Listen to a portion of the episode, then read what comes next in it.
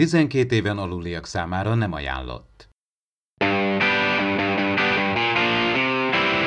Ez itt az Impulzus Podcast, az űrszekerek Star Trek tematikus epizód kibeszélője. A fedélzeten Csaba, Attila és Dave.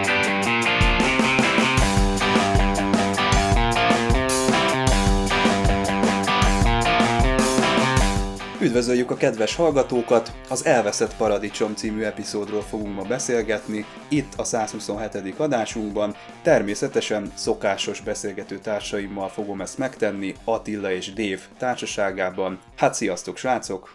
Sziasztok! Sziasztok! Na, mit szóltok ehhez a jó kis alapítvány előzeteshez? Én a trilógiát olvastam csak, az alapján én azt mondanám, hogy azért hagyott teret Asimova készítői fantáziának, és hát meg is töltötték itt látványos tartalommal ezt, a, ezt az első előzetest, úgyhogy ilyen szempontból nem lehet rá panasz.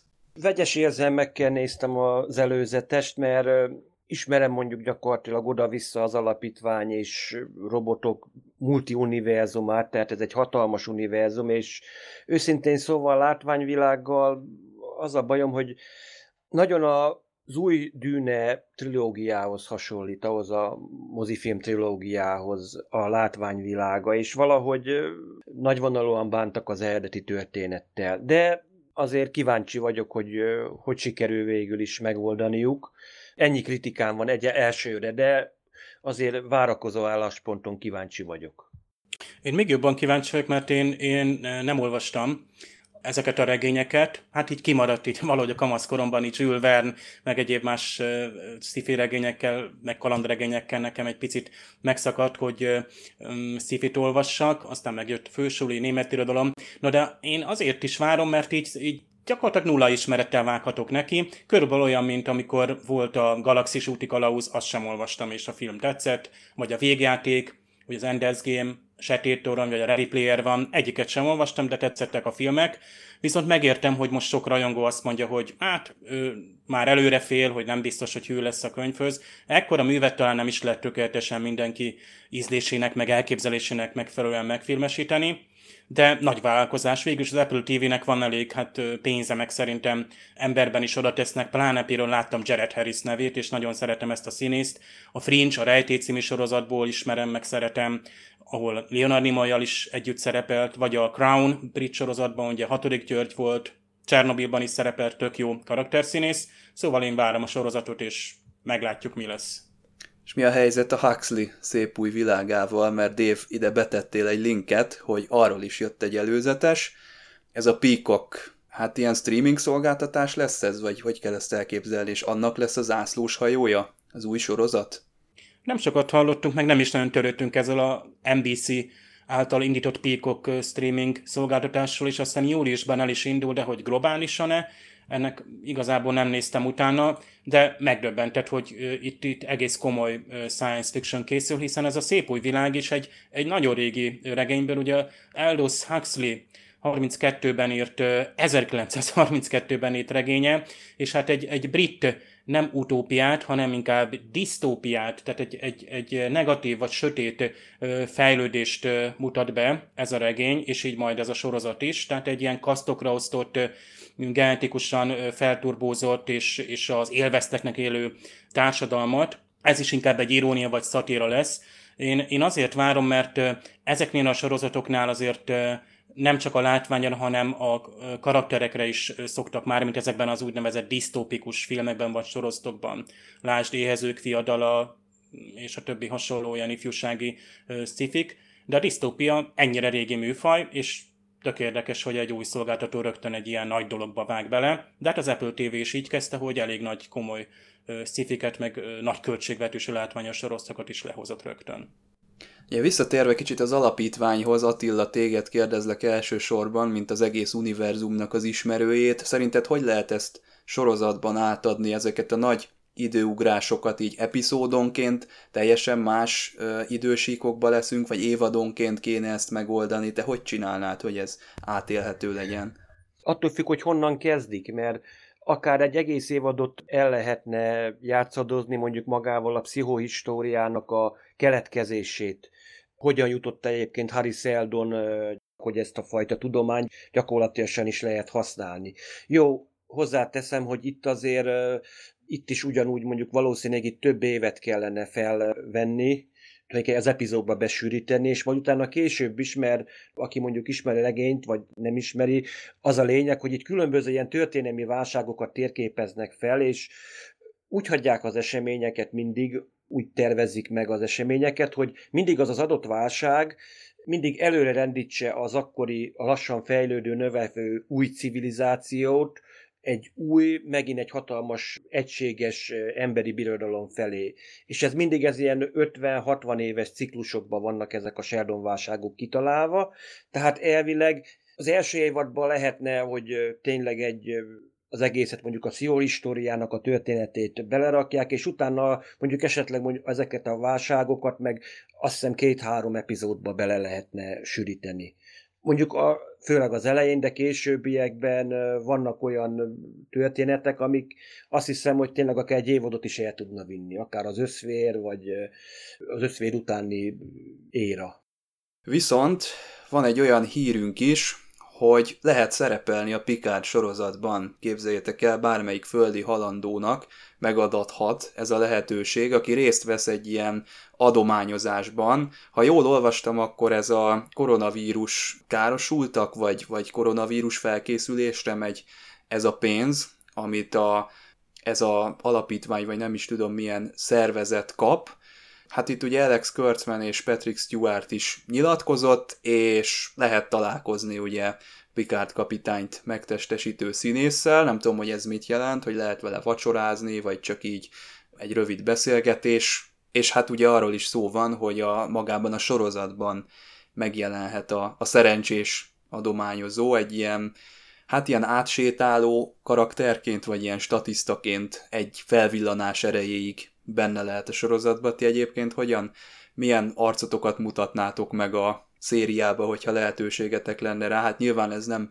kívánság műsor, de mondjuk, hogyha rajtatok múlna, akkor ti valamilyen más idegen lennétek, vagy a saját arcotokkal jelennétek meg a legszívesebben. Ha jól értem, itt, itt sorcsolás is van, tehát nem csak, hogy adakozol, még szerencsésnek is kell lenned, nem úgy, mint például olyan Kickstarteres sorozatfilmes projekteknél, ahol azt hiszem bizonyos összeg után már tudja ja, biztos a vacsora a rendezőkkel is, hogy például a Tim Russ, tehát a Tuvok féle Renegades fan sorozatban, ott tényleg bekerülött, és ott is azt hiszem maximum lelőttek, Hát itt átsétáló szereplő, az azt jelenti, hogy te lehetsz egy idegen is, és egy arc nélküli valaki. Én azt hiszem az lennék valami maszk alatt, vagy csak azért annyira ne látszódjak, viszont, hogy ott vagyok a forgatáson, és tényleg Sir Patrick Stewart körbe kalauzol, ott, ott akár a rendezővel, stábbal találkozol, hát az, az nagy élmény lehet, bár azt hiszem a költségeket magunknak kell állni, már mint az oda eljutás és egyéb költségeket, tehát azért nem tesznek a feneked alá repülőt, tehát így is azért mégiscsak egy teljesen hivatalos Star Trek sorozatban lehet szereplő, tehát ez a, az a Seth MacFarlane is küzdött ezért, és éppen, hogy bejutott az Enterprise-ba ilyen kisebb szerepre, hát azért, és nagy sztárok is szoktak időnként szerepelni ilyen nagyobb filmekben, hogy csak bemennek ilyen kamó jelenetre, maximum állarcban, meg nem is tudom milyen maszk alatt. Mondjuk szívesen játszanék el akár Klingont vagy Romulánt is, hogyha adott esetben szükség lenne akár egy hidon, vagy akár egy bárhol ilyen statisztaként, tehát nem, nem ragaszkodok ahhoz, hogy most saját arccal jelenjek meg, de... De ez a... az új, újféle Klingon maszk lenne, ez a Discovery hát, féle, az is jó? De mondjuk én arra gondolok, hogy azért már csak a hajas verzió lenne, tehát az már, az már hasonlít. Tehát az a szép harcsabajusz, azzal nincs gondom. Addig volt baj, mi kopaszok, tehát egyébként nem baj. De rom, akár Romulán is szívesen leszek. Érdekes, hogy érkezett még egy William Shatner gyűjtögetős kártyajáték. Ez nem teljesen Star Trek tematika, mert hogyha jól olvastam, akkor itt William Shatner látható ezeken a kártyákon különböző élethelyzetekben. A Track Movie képén például egy ilyen Ghostbuster Shatner várható, tehát én úgy látom, hogy itt nem leszünk híján az öniróniának, úgyhogy ennyire kell ezt komolyan venni, de ez szerintem bőven belefér a, a, a Shatner által képviselt ilyen stílusban, neki volt már ugye country albuma, meg mindig karácsonyi albumai is vannak, meg minden ilyen, ilyen hülyeséget csinál, és szerintem ő ezt nem gondolja természetesen halálosan komolyan, ez ilyen mókás dolog, ilyen szempontból ez szerintem tökre belefér. Ti milyen Shatner kártyával találkoznátok egyébként a legszívesebben? Én esetleg például James Tiberius Kört császár kártyával, mert mondjuk pont ezt a szellemírtós képet én már láttam ezt korábban, tehát ő tényleg beöltözik rohamosztagostól kezdve bárminak, ha kérik, tehát nem, úgymond azt, azt lehet mondani, tényleg a tréfának nem elrontója. Hát meg megnézném azt a setnát, ahol ugye az, a saját maga által írt regényeknek a főhőse mondjuk annak megfilmesített változatában, vagy mondjuk egy indián köt esetleg, ha már itt tartunk a epizód hát Túl hamar akarod átkötni a, a témát, de még egy kicsit azért megkérdezném tőletek, hogy ti gyűjtöttetek régebben ilyen sportkártyákat, vagy hatalomkártyát, ez is valami olyasmi, csak ez szerintem ilyen digitális verzióban lesz kizárólag elérhető, de be lehet titeket így csábítani ilyen gyűjtögetős izékkel? Mennyire vagytok hajlamosak beleesni ennek a csapdájába? Nekem még van is, méghozzá Star Trek, hát autós kártya, az a Top Trumps sorozat, ez óval írandó egyébként, tehát úgy kell elképzelni, mint tényleg a hagyományos autós kártyák, ott van egy karakter, nyilván nem a jármű, meg nem mondjuk az Enterprise csillag, hanem mondjuk James T. Kirk kapitány, és akkor mikor született az univerzumban, mekkora a jelentősége, a tekintélye például a csillagflottán belül, a különböző képességei, tehát itt ugye ezek a karakter és képességek alapján ütöd a másikat ki, ahogy egy autós kártyánál, de voltak autós kártyáim is, és volt Star Wars-os, és még már még mindig emlékszem, hogy Princes Leia, és, és, és annyira, tehát akkor még nagyon kicsi voltam, de meg volt Leia hercegnő, mint autós Ez a rabszolga Leia volt meg? Nem, az arca és a haja, ugye a, a sztereó fülhallgatós. Ja, de azt hittem azért volt olyan emlékezetes. Az Impulzus Podcast pillanatokon belül folytatódik. Ez itt csak nem a parallaxis? Parallaxis.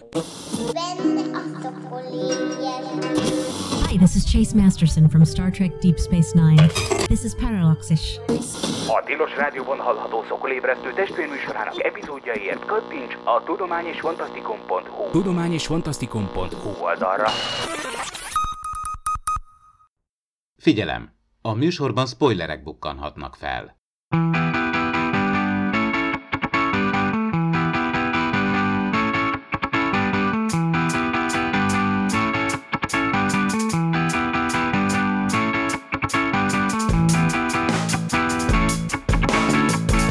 Hát beleesik Körk egy obelisknek a csapdájába. Ezeket az obeliszkeket egyébként érdekes módon a Discovery-ben is újra felfedezhetjük. Szarunak a bolygóján sanyargatták a, ezek a építmények a, az ottani lakosokat.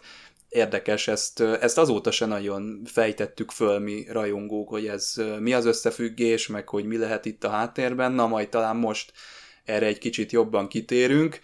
Érdekesebb nekem, hogy ez az epizód konkrétan olyan, mint az Inner Light, vagy például a Csillagkapuban, amikor Onil ott ragad egy bolygón, és a mindennapokba beilleszkedik. Amikor már valaki lemond ugye teljes mértékben arról, hogy hazajusson, vagy nem is tud az eddigi életének a részleteiről, és egy hosszabb időtáv eltelik, azt is mondhatnánk, hogy ez az elveszett paradicsom, ez a prototípusa az említett típusú epizódoknak, viszont hát nekem nagyon nem jut eszembe, amikor például az Inner Light-ról van szó, vagy hasonló olyan történetekről, amiben ilyen nagyon sok idő eltelik, mert hogy itt hónapokról van szó, és ezzel ez az epizód az, ami a, az eredeti sorozatban a legnagyobb időtartamot felöleli, de valahogy nekem ez a feledés homályában merült, hogyha erről a zsánerről van szó. Tényleg itt széjjel néztek a kellékesek, széjjel, hoppá, és még indiános történetünk nem volt speciál most ez a, ebbe a raktában még nem mentek be rodemberiek, nem tévedtek be. És megint egy idegen fajoknak a úgymond a tevékenységét látjuk, hogy a Földről gyakorlatilag rengeteg humanoidot mindig elvittek, hogy különböző időközönként, amit azt egyébként azt hiszem Kört meg is jegyzi, hogy hát a galaxisban szél mindenütt látunk humanoidokkal találkozunk folyton. Tehát olyan, mintha a Föld egy ilyen most durva szóval azt mondom, egy, egy nagy, nagy áruház lett volna, hogy minden faj idejött, és akkor nekik tetsző népekből elvitt valahova, és letelepítette egy idegen bolygón. Tehát jó, végül is ez a lényeg benne, a Star Trekbe is egy, egyik lényege, hogy itt tényleg itt hasonló lényekkel találkozunk, meg gyakran emberek leszámozottaival, meg az idegenek is néha teljesen úgy néznek ki, mint egy ember. Egy új idegen faj, és egy ősi faj megint itt letelepít valahova, és most meg kell menteni, mint kiderült tulajdonképpen a, megint egy civilizáció. Tehát megint egy mentő akció, csak kicsit másképpen, mint ahogy megszokta, azt mondom, 60-as évek előtt is mondjuk az emberek különböző tévésorozatokban. Ez tetszik nekem egyébként, hogy itt próbálnak arra magyarázatot adni a nézőknek, hogy miért van mindig az, hogy lépten nyomon kétlábú humanoid lényekbe botlunk a galaxisban, és ez itt, ezt azért itt megpedzegetik, még ha nem is kapunk teljes körű magyarázatot, meg nem az történik, mint a Chase-be, a TNG-ben később, de azért így utalnak, tehát azért észlelik a, a készítők, hogy van ez a probléma, és hogy azért a, a nézők kíváncsiak lennének ennek a magyarázatára. És ezt a Spock és a McCoy igazából 5 perc alatt ledarálja ezt a magyarázatot, tehát kapsz megint egy tömény történelmet, mert amikor Spock rájön, hogy ezek az obeliszken lévő szimbólumok valójában hát egy nyelvnek a részei, amik zenei hangként értelmezendők, a galaxis ősi kultúrája hozta létre egyáltalán ezt az obeliszket, és valószínűleg akkor több is van, akár a, a galaxisban, és ezek a megtartók, most mondhatnám azt is, ha már a fringe beszéltünk, a figyelők. Szóval ezek a megtartók primitív fajokat kutattak fel, jobb környezetbe vitték őket, és így lett ennyi humanoid szerte szórva a galaxisban. Úgy tűnik, hogy itt az eredeti sorozatban már nem is tudom hányadszor van egy magyarázat arra, hogy miért vannak emberszerű, nagyon emberhez hasonló fajok, és nyilván nem azzal magyarázák kis költségvetés és kevés a pénzünk a maszkokra, bár a TNG-ben már több pénz volt a maszkokra, de ott is volt a The Chase című epizódban egy remek magyarázat arra, hogy miért vannak ö, nagyon sok ö, emberhez hasonló ö, fajok a galaxisban. Ott persze nem mindegyik például Kardaszénak vagy Klingonnak tetszett az, hogy ők az emberekhez hasonlóak, és a pánspermi elméletet ők nem igazán fogadják el. Viszont ez az aszteroida elterelő mechanizmus, ez azért érdekes, mert ezek szerint ezek a megtartók abszolút nem figyelnek arra, hogy természetes fejlődés, vagy jön egy természetes fenyegetés, úgy tűnik, hogy ők eleve ezt is meg akarják előzni, tehát igazából itt az elsőleges irányelvnek egy sajátos laza értelmezése van, hiszen még maga az Enterprise is ugye beavatkozik, jön egy aszteroida egy bolygó felé, ami aztán meg sincs nevezve, csak így utólag tudjuk, Na ez az, hogy ez, ez beavatkozás szerintetek? Tehát az ottani lakosok nem tudnak arról, hogy megmentjük őket, ez mennyire súlyos elsődleges irányelv sértés véleményetek szerint, mert szerintem ez nem annyira. Hogyha úgy ö, mentik meg őket, hogy ők nem tudnak róla, hogy most egy aszteroida tulajdonképpen fenyegeti a bolygójukat, akkor szerintem nincs gond, mert akkor nem tudják azt, hogy na létezik tőlük fejlettebb. Tehát a civilizációjukat ez a fajta beavatkozás tulajdonképpen nem érinti, nem, nem okoz behatást. Tehát csak annyit látnak, hogy hopp, jön egy aszteroida, vagy nem jön, és eltűnik. Tehát, vagy nem is tudják, hogy aszteroida van, hanem ők élik az életüket, és nem tudják azt, hogy mi történik a bolygójukon, vagy lényegében itt ezen a településen kívül. Tehát addig, amíg észrevétlenül tudnak beavatkozni, és nincs nyoma, hogy most külső behatás történt, addig szerintem ö, nincs gond. Hát azon sem csodálkoztam volna, hogy ez az epizód úgy fejeződik be, mint a, a falu című film, ugye Shyamalan, na mindegy, ott volt egy nagy fordulat ezzel kapcsolatban, van egy primitív település, no de Dehogy nem tudnak róla. Attila szerintem tudnak róla olyan szinten, hogy az ősi kultusz részévé vált. Ott van az obelisk, ö, obelix vagy obelisk, tehát tök régen ott van ez az építmény, és kultusszá vált. Tehát a törzsfőnök tudja, és körkörül is tud, hogy jön majd valaki vagy valami, tehát jön majd valami fenyegetés, amit el kell hárítani, és amit ugye a körknek, az istenségnek kell végrehajtani. Ez lehetett volna egyébként valaki más is. Tehát nem a kirok, hanem valaki más jön, vagy éppenséggel ez, ez, ha a mechanizmus jól működik, akkor automatikusan elhárítódik a veszély, és a mítosznak a része lesz. A vallásos kultusznak, a történetnek a, a folyamába beépül.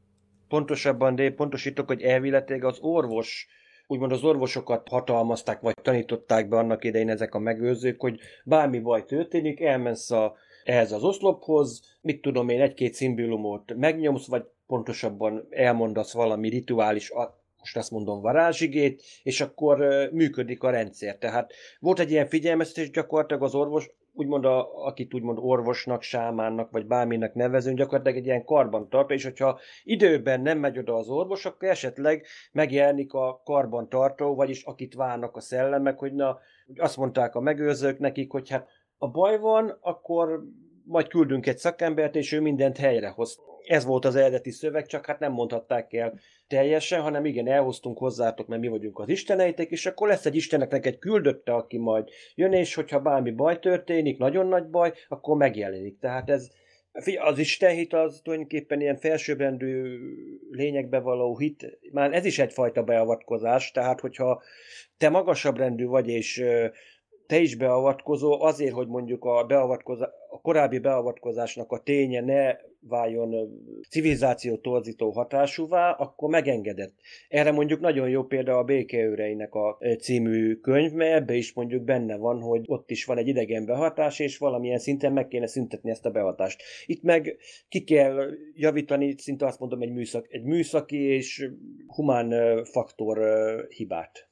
Ez egy érdekes kérdés, hogy a Shatner, vagyis bocsánat, a, a Körk, az helyesen jár -e el, hogy Isten képében jelenik meg. Nem mondja magáról, hogy Isten egyébként, de nem is tagadja. Tehát amikor ő róla azt tartják, hogy ő a, ennek a közösségnek ő lesz a egyfajta megváltója, vagy ő neki kell majd megcsinálnia azt a bizonyos cselekménysort, amikor elsötétül az ég, akkor ő így nem nagyon tiltakozik, Felmentheti őt egyébként, hogy nem emlékszik, hogy ő kicsoda, viszont érdekes dolog ez az amnézia, mert az univerzális fogalmai az embernek csak megmaradnak a dolgokról, és azért érezhetné a Shatner, hogy ő nem egy isten, csak egy más kultúrába csöppent bele, mint amiben eddig volt. Bár mondjuk azt se tudja, hogy milyenbe volt eddig.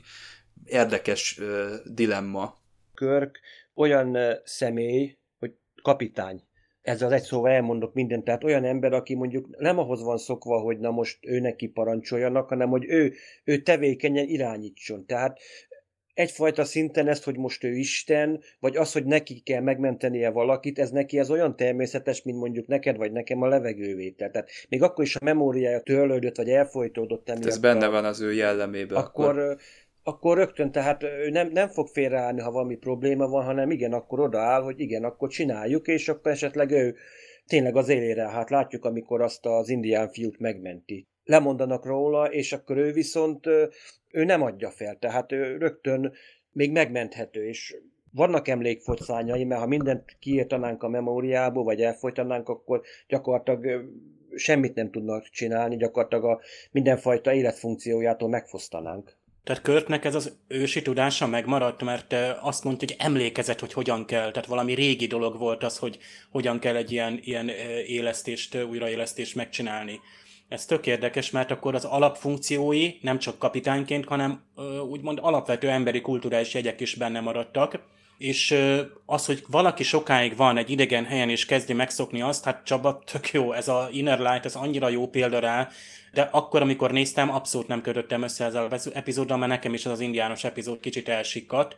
Viszont a Pikárot folyamatosan emlékszik, arra tudja, hogy ő kicsoda, és baromi nehéz neki elfelejteni az Enterprise-t, a csillaghajó kapitányságot, mindent, még a Körk ugye ő jótékonyan nem emlékszik. Tehát ő könnyebben belemegy itt egy új kapcsolatba, egy házasságba, ő ugye szinte a nulláról indul egy reset gombbal. Tehát ezért más egy picit a, ez az epizód, mint az Inner Light. Na, ha már itt belebegtettem ezt a obelisk témát az elején, akkor nektek van valami elméletetek itt, hogy hogyan kötődik össze a kettő? Azért a Discovery-be elég jól megismertük a bault.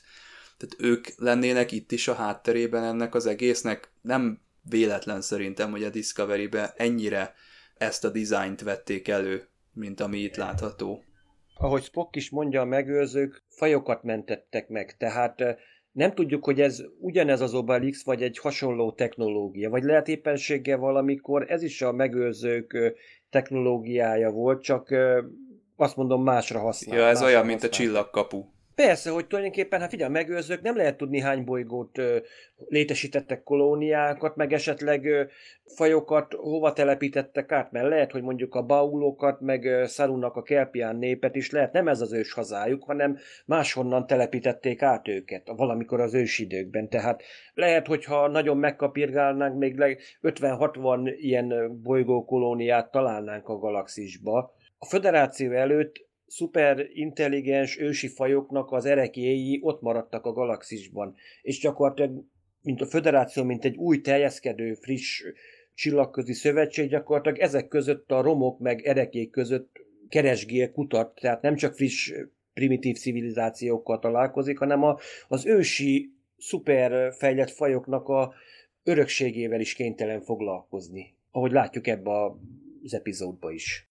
Hát amit itt Spock kifejt, azt mondja, hogy ez egy szuperfaj volt, ez a Preservers, ezek a megőrzők, és ők megmentették a primitív kultúrákat, ha a kihalás veszély fenyegette őket, és áttelepítették egy olyan helyre, ahol élhettek, és akkor oda, puty, oda telepítettek egy ilyen, ilyen asteroid defender, vagy deflektort, vagy nem is tudom, hogy nevezik, tehát gyakorlatilag egy, egy obelisknek látszó szerkezetet, amelyik egyébként itt pont elromlott vagy például nem emlékeztek, hogy hogyan kell használni, mert azt hiszem a, a, a, annak a, tehát a, a körknek, a feleségének az apja kellett volna, hogy átadja azt hiszem a tudást.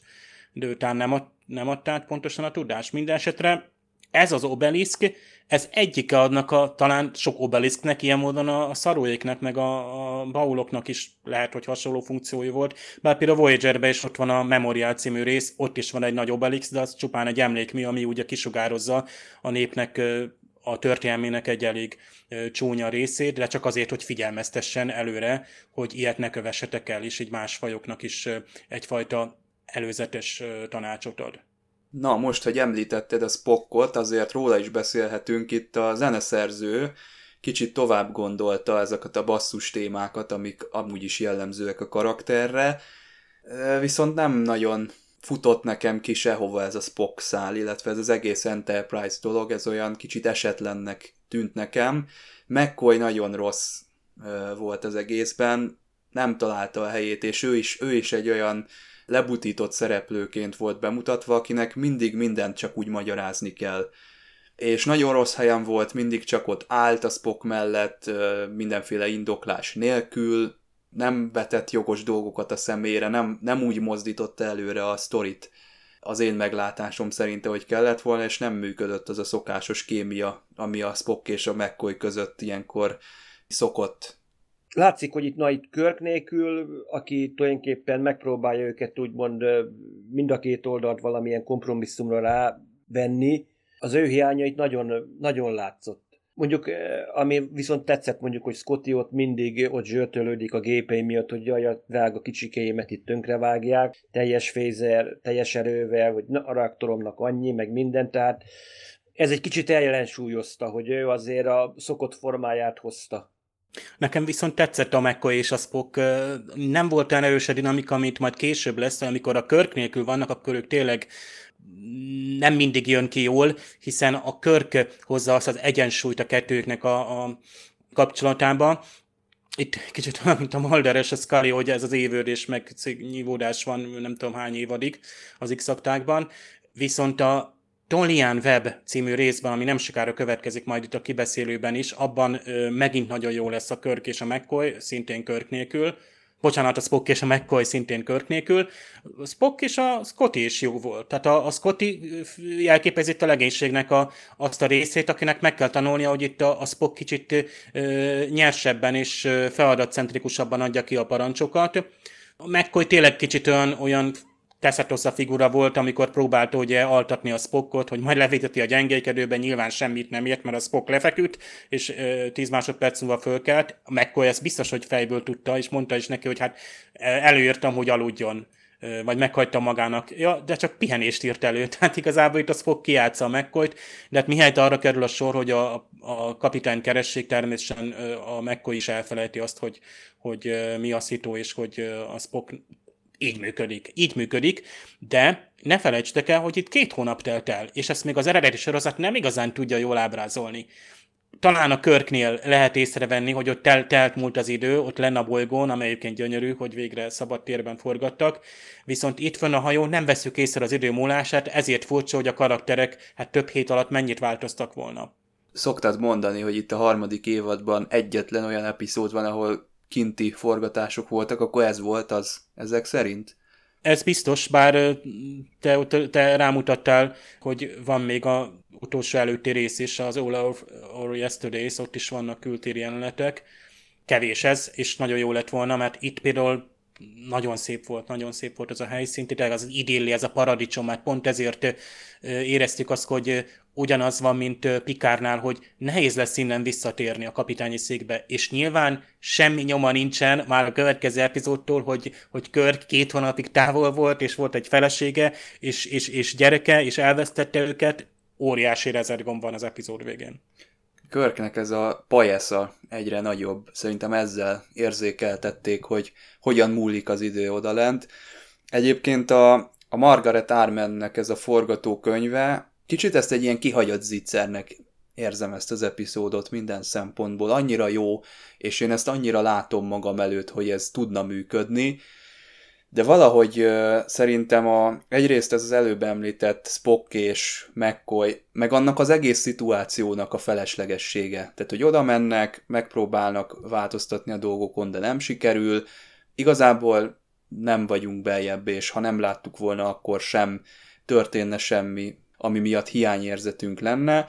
De Shatner sem jó szerintem a, a, a felszínen, nagyon, nagyon nincs, nincs formában. Lehet, hogy ez megint csak a, a harmadik évadnak a, a borzasztó háttér körülményei miatt lehetséges. Értem, hogy mit akarnak érzékeltetni, hogy van egy paradicsom, de szerintem nem jön át. Ugye gondoljatok arra, amikor a Körk kiáll az obeliszk elé, és így megöleli a levegőt, vagy megöleli saját magát. Igen, tehát nekem, nekem ez nem állt össze ez a dolog, így, így produkciós szempontból ez az egész valahogy olyan, olyan borzasztó. Hát Shatner gyakorlatilag úgy viselkedik, mint aki tényleg tökéletesen aklimatizálódott ehhez a körülményekhez. Elfogadja, hogy igen, itt vagyok, én vagyok Kirok, és tényleg gyakorlatilag olyan természetességgel foglalja el ott a helyét, mint ahogy amilyen természetességgel beül a kapitányi székbe. Tehát tervezze az életét, gyakorlatilag tovább is, hát láthatjuk, amikor a kunyhóból tervez, hogy igen, hogy fel tudnák vezetni a vizet, feltalálja a lámpát például, tehát de ezen kívül úgy semmi. Tényleg az, a, amikor magát ott megöleli, hát ez... Szerintem meg... valamilyen életérzést szeretett volna átadni, hogy itt minden happy, tehát a paradicsomnak de, de ez, a koncepciója. De ez olyan, mint hogyha ilyen szeretem magam, mert a, legjobb, a világ legjobb helyén vagyok, vagy az univerzum legjobb helyén vagyok, és itt vagyok, és jaj, de boldog vagyok. Önimádat, vagy nem tudom. Önlájkolás. igen, igen, igen, majd De Shatnerbe belefér, plusz a körkapitánynak az imidzsébe is belefér, ráadásul itt egy isten, azt ezt ne felejtsük el, ez folyamatosan ott van, és hát ezért van a, a ugye a ex-sámánnal ugye ez a, az a későbbi vita meg féltékenység, mert hát szakmailag is féltékeny, hiszen most ő lép Szél abba. Is. Pont akartam szél ezt a szélist aha. kérdezni, hogy ő, ő egy ilyen ügyeletes seggarcnak tűnik, de hát mondjuk... Álcsekoti. Igen, de, de hát mondjuk, ha bárki beleképzeli magát az ő helyébe, azért lecsapták a kezéről a menyasszonyát, meg el, ellopták az állását, azért nem hiszem, hogy bárki racionálisabban reagálna erre, mint ahogy bemutatta ez a karakter, és e, ezzel a aspektusával egyébként én elégedett vagyok a, az epizódnak, tehát a szél is, mint karakter és a színész is tetszett. Kevés a beszélő szereplő, mert ő nekik több a fizetése, tehát ezt, ezt észre lehet venni. Tehát a, a ellenfelek, antagonisták száma is kevés, de pont jól jellemzi a szituációt, hogy Körk belecsöppent egy, azért egy idillés, jó működő világba, ahol alapvetően a társadalom ebben a hitben, sőt még a fenyegető veszély elhárításában is jól működött volna, ha úgy működik, ahogy a megőrzők eltervezték. Hát kicsit olyan ilyen mesterség, ilyen Masterpiece Society, majdnem, mint ugye a TNG-ben van az a tökéletesen eltervezett, genetikailag ö, jól fejlesztett világ. Tehát itt is ezek a megőrzők úgy gondolták, hogy egy idilli paradicsom állapotot teremtenek, ami a Körknek már eleve tetszik. Tehát már ott is, mintha meg lenne bódulva ott a, a virágoknak az illatára, és, és, és nagyon tetszik Tahiti neki ez a környezet. a kapitány. Aha, az Tahiti szindróma, és azt hiszem az eredetiben is ez volt. ugye Vagy para- Pike, Pike szindrómás inkább lehet, hogy ugyanaz a baja, Hú. mint a Cage-ben a Pike-nak. Elege van a felelősségből. Nem jutott eszembe a Pike, de hogy most mondod, tökre tényleg az a szindróma lehet. A mozifilmes Chris Pine féle körkön ezt látjuk a Bionnak az elején. Tehát kezd kiégni, és szeretne egy, egy, egy magasabb pozícióba menni, ami egyébként egy az ő személyiségétől totál távol lévő ülő pozíció, aztán nyilván a film végére ez megfordul, ezért lenne jó látni a negyedik mozifilmet egyszer, még velük. Viszont a Pike én meg arra lennék kíváncsi, az Anson Mount jön majd a Strange New Worlds sorozat, az Anson Mount, mint kapitány főszereplésével. Tök jó lenne, ha látnánk azt a Cage előtti Anson Mountot. Mm, picit visszaugranánk, akár még visszaemlékezésbe vissza is lehet ugrani, hogy milyen volt, amikor ő tényleg a karrierje csúcsán volt és még nem égett ki, vagy még nem volt abban a, a, az életszakaszban, amikor azt látjuk, amikor a Boys Dokinál ott bemegy, és, és iszogatnak, és, és érezzük a, a karakternek a, a súlyát, vagy ami ránehezedik. Szemet szúrt nekem egy ilyen madártollas köpeny, amiben Körk készülődik az ő esküvőjére, nem is tudom, hogy milyen szertartásra készítik fel, és hát utána olvastam, hogy ez a kellék, vagy ez a jelmez, ez az 1966-os Batman filmben is feltűnik, és találtam is erről egy képet, és igazából nem tudom megmondani, hogy mit látok a képen, hogy ez ott a Batmanben egy, egy szuperhős lenne, vagy egy gonosz, hát kedves hallgatók, aki esetleg tudja, hogy mi a megfejtés, látta az adott epizódot, az nyugodtan írja meg nekünk. De a Marvelbe, a bosszúállókba, sőt még a régebbi képregényekbe, 90-es években vannak ilyen madáremberek egyébként, hogy ilyen, az a repülő madárember is tulajdonképpen elvileg ilyen létezik azért a sas, a totem azért tudjátok általában varjú, és a sas volt általában a törzseknek a legfontosabb ö, totem állatja a különböző indián törzseknél, tehát elvileg ilyen, ö, mint amikor a, azt mondom, hogy na házasodik a sas, vagy ilyesmi, tehát majdnem valami hasonló. Házasodik a sas. Ez egy tök jó reality cím lehetne. Igen, hát figyelj, de az, hogy figyelj, általában ilyenkor ez ilyen rituális, hogy a házasság az nem csupán, úgymond azt mondom, egy civilizációs ö, cselekedet a régi népeknél, hanem ez egyfajta spirituális dolog is. Tehát úgymond kell az isteneknek az áldása, meg a szellemek áldása, és általában a sas, meg a varjú az indiánoknál például az egyfajta az ősöknek a szellemét reprezentálta valamilyen szinten, hogy mondjuk, mit tudom én, a sasnak a fiai vagyunk, a hollóknak a fiai vagyunk, meg, lo- meg ehhez hasonlók. Tehát itt valaki valószínűleg nézett itt egy-két ilyen indiánokról szóló dokumentumfilmet is. Mondjuk például a sámánok tényleg használtak ilyen, ilyen rituális tollköpenyt. Tehát nem, nem a közönséges harcosok, de mondjuk egy sámánnak, hadifőnöknek, törzsfőnöknek biztos, hogy volt egy ilyen, azt mondom, értékes, akár több száz éves tollruhája.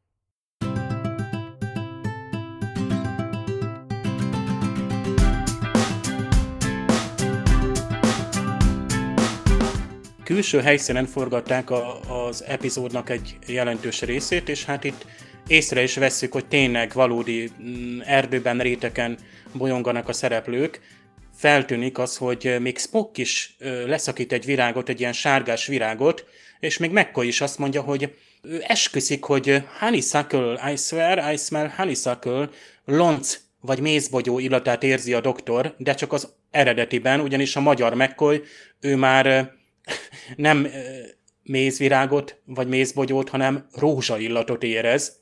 Kirk meg orange blossom, tehát az, a narancsvirágot érezné, ami egyébként lehet egy koktél is, de hát persze lehet egy ilyen tradicionális esküvői ruhakiegészítő. Minden esetre ezt sem fordítják le, mert a magyarban a Körk azt mondja, hogy fantasztikus, milyen friss a levegő. Érdekes, hogy ilyen dolgok elmaradnak a, a magyar változatban.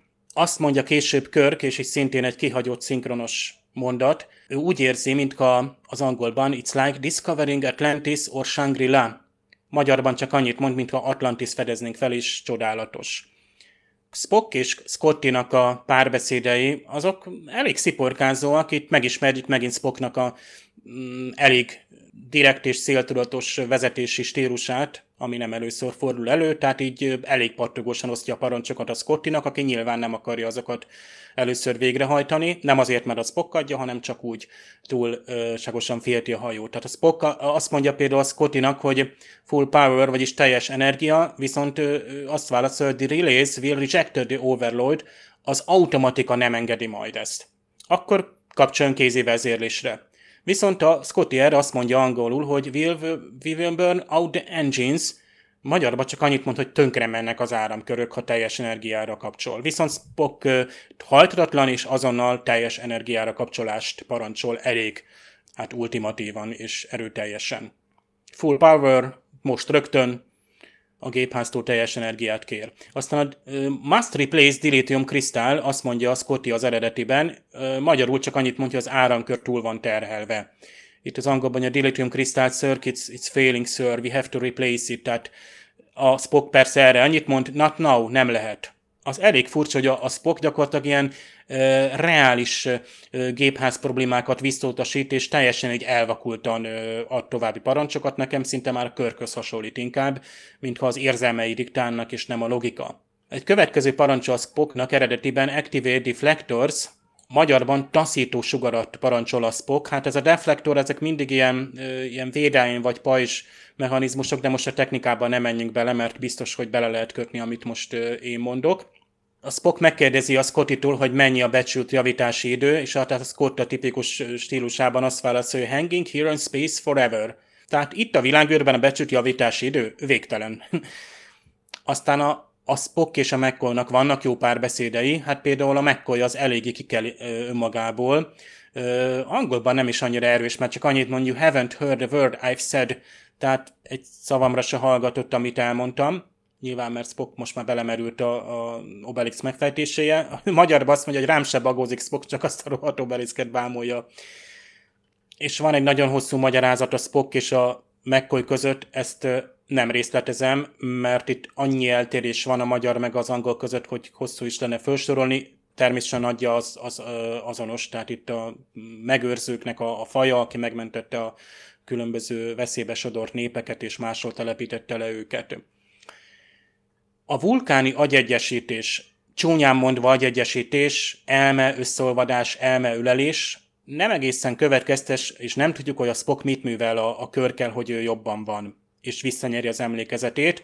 Az angolban Mind Fusion, erről van szó, megkérdezi a, a, a McCoy, egyáltalán alkalmas a körk elég erős a tudás egyesítéshez, elég, vagy tudategyesítéshez és hát úgy tűnik, hogy uh, itt, hát itt elkezdődik egy elég furcsa, hát nem is tudom micsoda ilyen, hát ez ilyen szinte már rituális, tehát eddig egyáltalán nem így folyt le a gyegyesítés, például itt a, a McCoy azt uh, szavalja, itt kántálja gyakorlatilag a, a körknek, hogy our minds are one, egy az elménk, ezt ismerjük az agyegyesítés szertartásából, még később tuvoktól is de ö, aztán többször elhangzik az, hogy our minds are moving closer, closer, James Kirk, tehát ugye közeledik az elménk, ez elég furcsa, eddig nem nagyon, vagy később nem nagyon találkozunk ilyennel, aztán Spock úgy tűnik, hogy akadályba ütközik, tehát a Kirok vagy Kirk nem engedi be az elméjébe, Kirk saját elméje túl erős.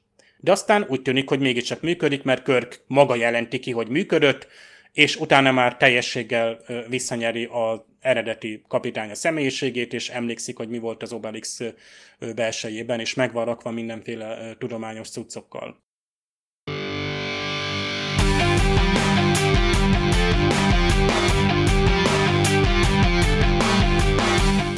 A sápadt arcú The Paleface, ez lett volna az eredeti címe ennek az epizódnak, és ez is azt erősíti bennem, hogy ez sokkal jobban egyfajta ilyen farkasokkal táncoló epizód lehetett volna. Nekem az az irány is egyébként tetszett volna, de ahogy mondtam itt a kibeszélő során, annyi minden lehetőséget és annyi utat látok ebben az epizódban, de valahogy úgy egyik sem marad erős. Nekem valahogy nagyon-nagyon félrement ez az egész. Nagyon sajnálom, mert tényleg tök sok lehetőséget látnék ebbe a sztoriba, itt a felsorolt Inner Light, illetve a, a hasonló típusú ilyen amnéziás epizódok azért ennél jobban szoktak sikerülni, és ennél emlékezetesebbek szoktak lenni. talán az is hangsúlyozza a készítői szándékot, hogy megint egy olyan végkifejletet látunk, ahol nem a csillaghajót látjuk, és nem ott írják ki a producernek a, a nevét, hanem ugye még egy ilyen drámai jelenetben vagyunk benne, ahol Kirk elveszíti az ő feleségét és a gyermekét. Az eredeti verzióban egyébként ez nem történt volna meg, tehát a Miramani túlélte volna, és hát Körknek lett volna ilyen formán egy gyermeke itt is. Természetesen ez az akkori ilyen epizódikus, televíziós, főhős standard képben nem fért bele, tehát az úgy nem klappol, hogy a Körki tolajra lép, megnyomjuk azt a rohadt nagy reset gombot, amit Dave is említett, és uh, itt hagyja magára a gyereket és a, és a volt feleségét a kapitány. Hát uh, ez nem tüntette volna föl jó színben a Körknek a karakterét, úgyhogy ettől szerencsésen el is táncoltak a producerek. Ezt ebben az időben, ebben a sorozatban még nem lehetett megcsinálni. Aztán később már igen, tehát látjuk a Kán haragjában, amikor találkozik Daviddel, de hát akkor már én azt hiszem, hogy kijelenthetjük, hogy egy sokkal emberibb körköt látunk már a, a mozifilmekben, nem ezt a istenséget. Mert Körk most itt uh, Isten vagy nem, ebben az epizódban jogosan bújik-e bele ebbe a szerepbe, vagy nem, ténylegesen ki kell jelenteni, hogy egy mostani felsővezetőhöz képest akár még azt is mondhatnánk, hogy isteni hatalommal rendelkezik, és ez a kapitány, ez bizony minden tekintetben makulátlan marad a néző előtt, tehát egy ilyen lezárást, amit az előbb említettem, nem nagyon lehet megengedni. Ettől függetlenül kellemes volt nézni az epizódot, de inkább csalódott vagyok, mert nagyon sok dolgot láttam volna még bele, ami nem úgy valósult meg, ami ahogyan szerintem kellett volna. Tényleg ez az aszteroidának a úgymond a semlegesítése sokkal egyszerűbb lett volna, hogyha nem fézert használnak, meg mindenféle ilyen, hanem tényleg feltesznek rá egy robbanóanyagot, és akkor eltérítjük a pályáját. Fé, ha nem megy fézerre, akkor tényleg űrkompal rászállunk, és robbantunk. Alá tényleg Bruce Willis az Armageddonba. De azt kell mondjam azért, ha nem is a kedvenc történetem egyike, de azért vannak benne nagyon érdekes felvetések. Például amikor Spock mondja, hogy nagyon sok ősi faj zenei hangokkal kommunikált, az ő nyelvük zene volt. Erről nekem rögtön eszembe jutott, azt hiszem a Voyager-ben a Lear, az üresség epizód, ahol véletlenül beszippantja őket egy olyan tér, olyan dimenzió, nem tudom pontosan, hogy most gyakorlatilag semmi nincs, és ott van egy faj, ami tulajdonképpen nem kommunikál, és akkor valahogy rájönnek, hogy igen, ilyen zenei hangokkal lehet velük kommunikálni, és a végén tényleg elég jól tudnak velük kommunikálni, tehát tehát ezt az, ezt az ötletet valahol valaki vagy látta, vagy saját magát újra feltalálta, azt mondom olyan 40 évvel, 30-40 évvel később. Vannak benne nagyon jó ötletek, és hát amit mondtam, hogy itt már megint valaki véletlenül benyitott egy addig nem használt raktába, és akkor kipattant az isteni szikra. Tényleg Kört itt, igen, itt nem, nem áll úgymond azt mondom a helyzet magaslatán a forgatókönyv írók által sem. Tényleg hát nem lehet minden epizód 100% vagy 110%, hát ezt sajnos el kell fogadnunk. Hát ha értékelnem kellene, 10-ből én azt mondanám egy hetes. Jók ezek a hasonlatok, hogy milyen más epizódok jutnak eszünkbe, hát így, így visszafelé és teljesen fordított irányba, hiszen ez, ez, ez az epizód, mint ahogy az eredeti sorozat minden része, bőven megelőzött minden más Star Trek epizódot és science fiction és, és persze vannak science fiction előzmények, de itt én azt hiszem, hogy, hogy nagyon jó ez a, ez az újranézés most mostani fejjel, hiszen most már Discover is szemmel meg észsel tudunk például egy obeliskre rátekinteni, korábban meg csak a Voyager jutott eszünkbe, hogy jaj, ott is volt valami nagyon magas építmény. Egyébként ez nekem kifejezetten tetszik. Egyrészt a, a külső, a környezet, a őslakosokkal sincs semmi bajom, hiszen van egy tök jó magyarázat itt is, hogy miért vannak emberszerű lények itt is, vagy más bolygókon. És egy, egy, ez a obeliszka, hogy ott állnak, és hatalmas, tehát ez, de belegondolok, hogy az akkori tévénéző számára azért főleg, hogy a, a Star Trek nem mindig kényeztette el őket azért nagyon nagy látványjal, tehát ezek a távoli bolygón néztek, ezek ilyen matte voltak, itt meg azért egy valódi díszletről van szó, aminek ráadásul még funkciója is van, és egy titokzatos építmény, ami mindig is szerintem fölcsigázt az embereket, hogy egy ősi civilizáció, valamilyen titokzatos írás, amiről ráadásul az a baj, hogy olyan gyorsan darálja le Spock McCoy-nak a magyaráztat, hogy egyszerűen nincs időnk arra, tehát teljesen, amit amikor a csillagkapuban Daniel Jackson így próbálja két perc alatt elmondani, vagy a Carter az O'Neillnek, aki úgy általában nézőt testesíti meg, és csak néz, és akkor azt mondja, hogy na jó, álljunk meg, és akkor most mindezt röviden és érthetően is mondja el.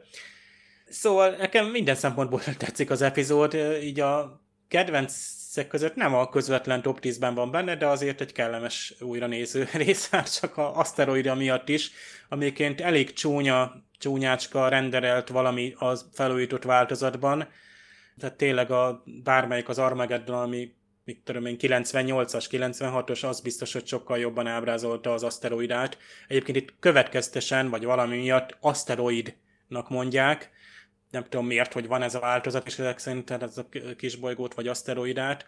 Nem baj, ugyanarról beszélünk, mint amit ugye számos filmben láttuk, hogy közeledik egy fenyegetést, azt el lehet hárítani, és már hatalmunkban el elhárítani, anélkül, hogy beavatkoznánk, vagy lehet, hogy olyan beavatkozás ez, ami megengedhető, nincs még annyira letisztázva, hiszen azt hiszem az elsőleges irányelvet pont nemrég fejtették ki ugye a néhány epizóddal ezelőtt, vagy még a második évadban, hogy a csillagfotta létét, vagy más fejlettebb civilizációk létét nem szabad föltárni, de az, hogy mondjuk megmentsünk egy, egy népet, vagy egy ilyen kis csoportosulást, ráadásul úgy tűnik, hogy nincs is más ö, lakosának, a, tehát teljesen csillagkapó effektus, hogy megyünk ilyen erdőkben, vagy sivatagban, és találkozunk egy darab népcsoportra, és az reprezentálja az egész bolygót.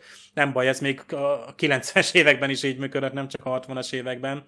Szóval elsőleges irányelv Spock, mint kapitány, Spock és Scotty, Spock és McCoy, nekem ez is működött, öntudatlan kört, mint ö, istenségnek, ö, magát is istenségnek elfogadó ember múlt nélkül, ez is egy tök jó, tehát itt, itt tök jó epizódok nőttek ki ebből későbbekben is, szerintem jó az epizód. Jövő héten a megkísértés And the Children Shall Lead. Hát ez lesz az epizódunk várható egy pár gyermek szereplő itt. Ez Lehet mindig... felmentést kérni esetleg az epizód megtekintése alól? Tehát... Nem szereted a gyerekeket? Porzalmas epizód. Igen. A Miritől ezt... is sokkal rosszabb. Tehát a... nem tudom, hogy nézem meg, lehet, hogy majd egy hang nélkül felirattal, vagy nem tudom, mit csinálok. Pont ezt akartam mondani, hogy mindig egy rizikós dolog gyerekekkel forgatni, de azért néha sikerült, tehát nekem azért a Naomi Weidman kifejezetten uh, kedvencem, a gyerek szereplők közül a Voyager-ben. Nektek egyébként ki az, aki így a szívetekhez nőtt? A Wesley Crusher nem ér mondani. Mondjuk Naomi Whiteman az ott el volt tényleg kis aranyos kislány volt egyébként. Azt tudnám mondani hirtelen. Mást úgy, hát nem tudom. Esetleg a Alexander. Ja, az is jó volt. Brian Bonsall, azt hiszem ő játszott a Worfnak a fiát, ha rá gondolsz. Igen, igen, és sajnos tényleg ő is meghalt tavaly. Vagy tavaly előtt? Már nem tudom. Mert tavaly tényleg nagyon sokan meghaltak. És hát Nogot is szerintem valamilyen szinten gyerek szereplőnek tekinthettük, sőt. Hát tulajdonképpen igen, mert hogy is van, 50 éves volt, amikor most meghalt, igaz? És... De Jake Sisko-val ott együtt lógtak DS9-on. Igen, igen. Tehát ők így egyidősek Igen, és lettek. tényleg tudod, az volt az érdekes egyébként a Twitteren is, hogyha mondjuk esetleg Álmin Sömelmennel volt valami beszédük, akkor tényleg bácsikámnak hívta. Ők tényleg tök jó páros voltak, ott kellett, hogy ö, legyen végre valaki egyidős gyerek ö, vele együtt, mert az összes többi gyerek szereplő ö, lehet, hogy azért volt egy picit problémásabb a Beznek is, mert tök egyedül volt a saját korosztályában, néha egy-egy csaj fölbukkant, és akkor próbált ő is normálisan viselkedni, de a Jake Sisko meg a Nok között pont ez volt, hogy tök jó volt a dinamika, ilyen kis csintevések, csajozás, kalandok, aztán meg ugye komoly barátság, és, és a Jake-nek tök jól kialakították azt, hogy ő nem akar csillagflotta lenni, hanem aztán írni szeretne.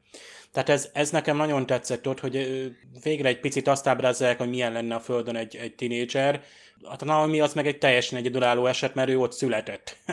és ő, nem, ő eleve nem hétköznapi, tehát őnál elfogadtuk, hogy mivel ő félig tareai, ráadásul ugye gyorsabban nőtt, de nem volt annyira tudálékos vagy szuperokos, és próbálta ugye maga kis természetes módján ezeket a interakciókat, és főleg ő is ezekkel a nélix meg a hetessel együtt ti jelenetekben volt nagyon jó. Tehát ő direkt ugye nagyon jó volt, hogy picit kiteljesítették, és a hetesnek is egy picit emberi bénye mutatkozott meg vele szemben, ugye, mint valami, mint alegység jelent meg, de aztán ott is egy ilyen barátság lett. Szóval ezért, ezért lehet, hogyha több gyerek szereplő van, vagy rendszeresebben szerepelnek, vagy következtesebben írják meg őket, akkor nincs gond velük. Ugye, amire én ugrok, az a Ifjú Spock a Discovery-ben, tehát ott elmenekülök a képernyő elől. Bár később aztán azért ott, ott kicsit jobban a második évadban több Spock és Börman jelentet kaptunk, és az, az, az, az, az, már jó volt egyébként. Tehát ott főleg a Michaelnek a, ott, ott sokat tett hozzá a kettők dinamikájához. De hát az egész évad róluk szólt, és az, az, az tök jó volt így. Na, hát most, hogy felsoroltuk a jó gyermekszereplőket, jövő héten megnézzük a rosszakat, Dév nem kap felmentést, és ti sem kaptok, kedves hallgatók, tessék megnézni, komolyan venni az újranézést, és jövő héten találkozunk. Sziasztok! Sziasztok! Sziasztok!